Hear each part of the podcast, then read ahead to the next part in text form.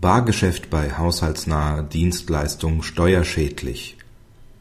Sogenannte haushaltsnahe Dienstleistungen gemäß § 35a Einkommensteuergesetz können steuermindernd geltend gemacht werden.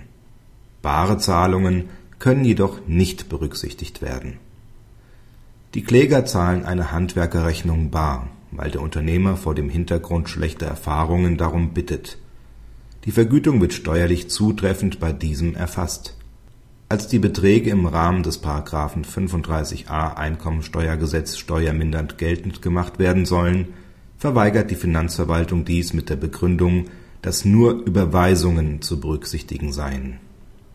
Das Finanzgericht Sachsen-Anhalt weist die Klage gegen den Steuerbescheid zurück, weil die Steuerermäßigung zu Recht nicht gewährt wurde. Nach dem eindeutigen Wortlaut sind nur solche Beträge zu berücksichtigen, die von dem Konto des Leistungsempfängers an den Handwerker überwiesen werden. Dies ist durch einen Beleg des Kreditinstituts nachzuweisen. Dass der Handwerker den Gelderhalt bestätigt und die Zahlung steuerlich korrekt behandelt, ist für die steuerliche Beurteilung beim Auftraggeber ohne Bedeutung.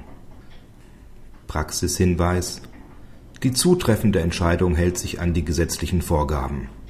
Welche Anforderungen der Gesetzgeber aufstellt, um steuerliche Erleichterungen zu gewähren, ist in sein Ermessen gestellt.